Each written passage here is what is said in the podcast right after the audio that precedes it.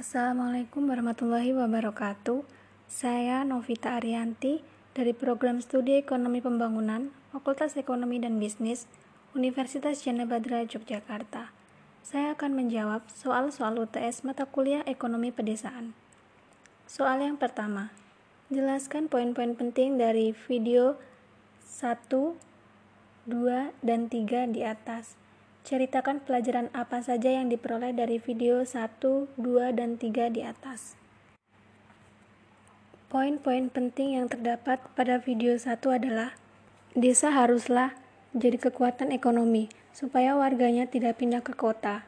Sepinya desa adalah modal utama untuk bekerja dan mengembangkan diri. Desa adalah kekuatan sejati, negara harus berpihak pada petani. Desalah masa depan kita desa adalah kenyataan. Kota adalah pertumbuhan, desa dan kota tidaklah terpisahkan, tetapi desa harus lebih diutamakan karena desa kekuatan ekonomi.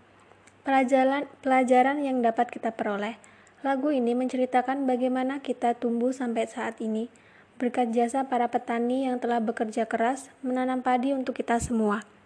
Janganlah kita lupakan jasa para petani, karena dari desalah sumber kekayaan kita berasal. Desa adalah tempat di mana kita berasal, dan kota adalah tempat di mana kita tumbuh.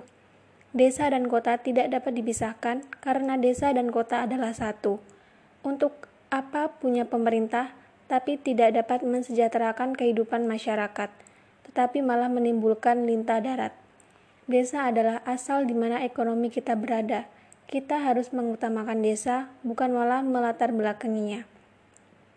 Desa sebagai modal utama untuk memberdayakan warga desa bekerja dan mengembangkan diri tanpa harus beranjak ke kota. Potensi dan peluang ekonomi di desa bahkan tidak kalah penting dari kondisi di kota. Kekayaan alam di desa dikelola dengan baik akan mendatangkan nilai ekonomi yang besar. Penataan desa melalui pembangunan akan mendatangkan iklim investasi. Secara otomatis, lahan kerja akan semakin luas dan orang-orang desa tidak perlu berhijrah ke kota.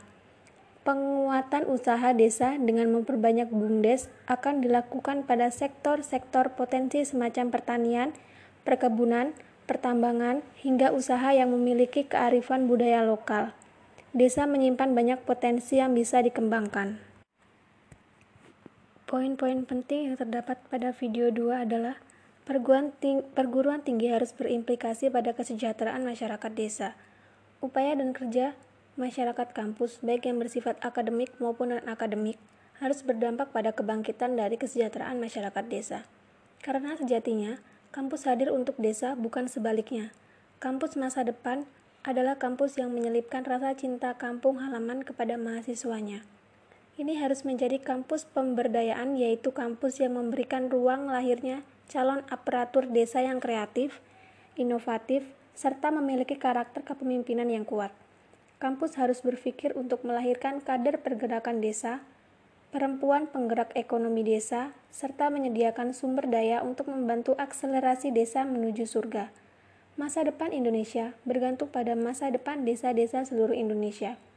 Kalau menginginkan Indonesia berdaulat, menuju adil dan makmur, maka harus dimulai dari desa.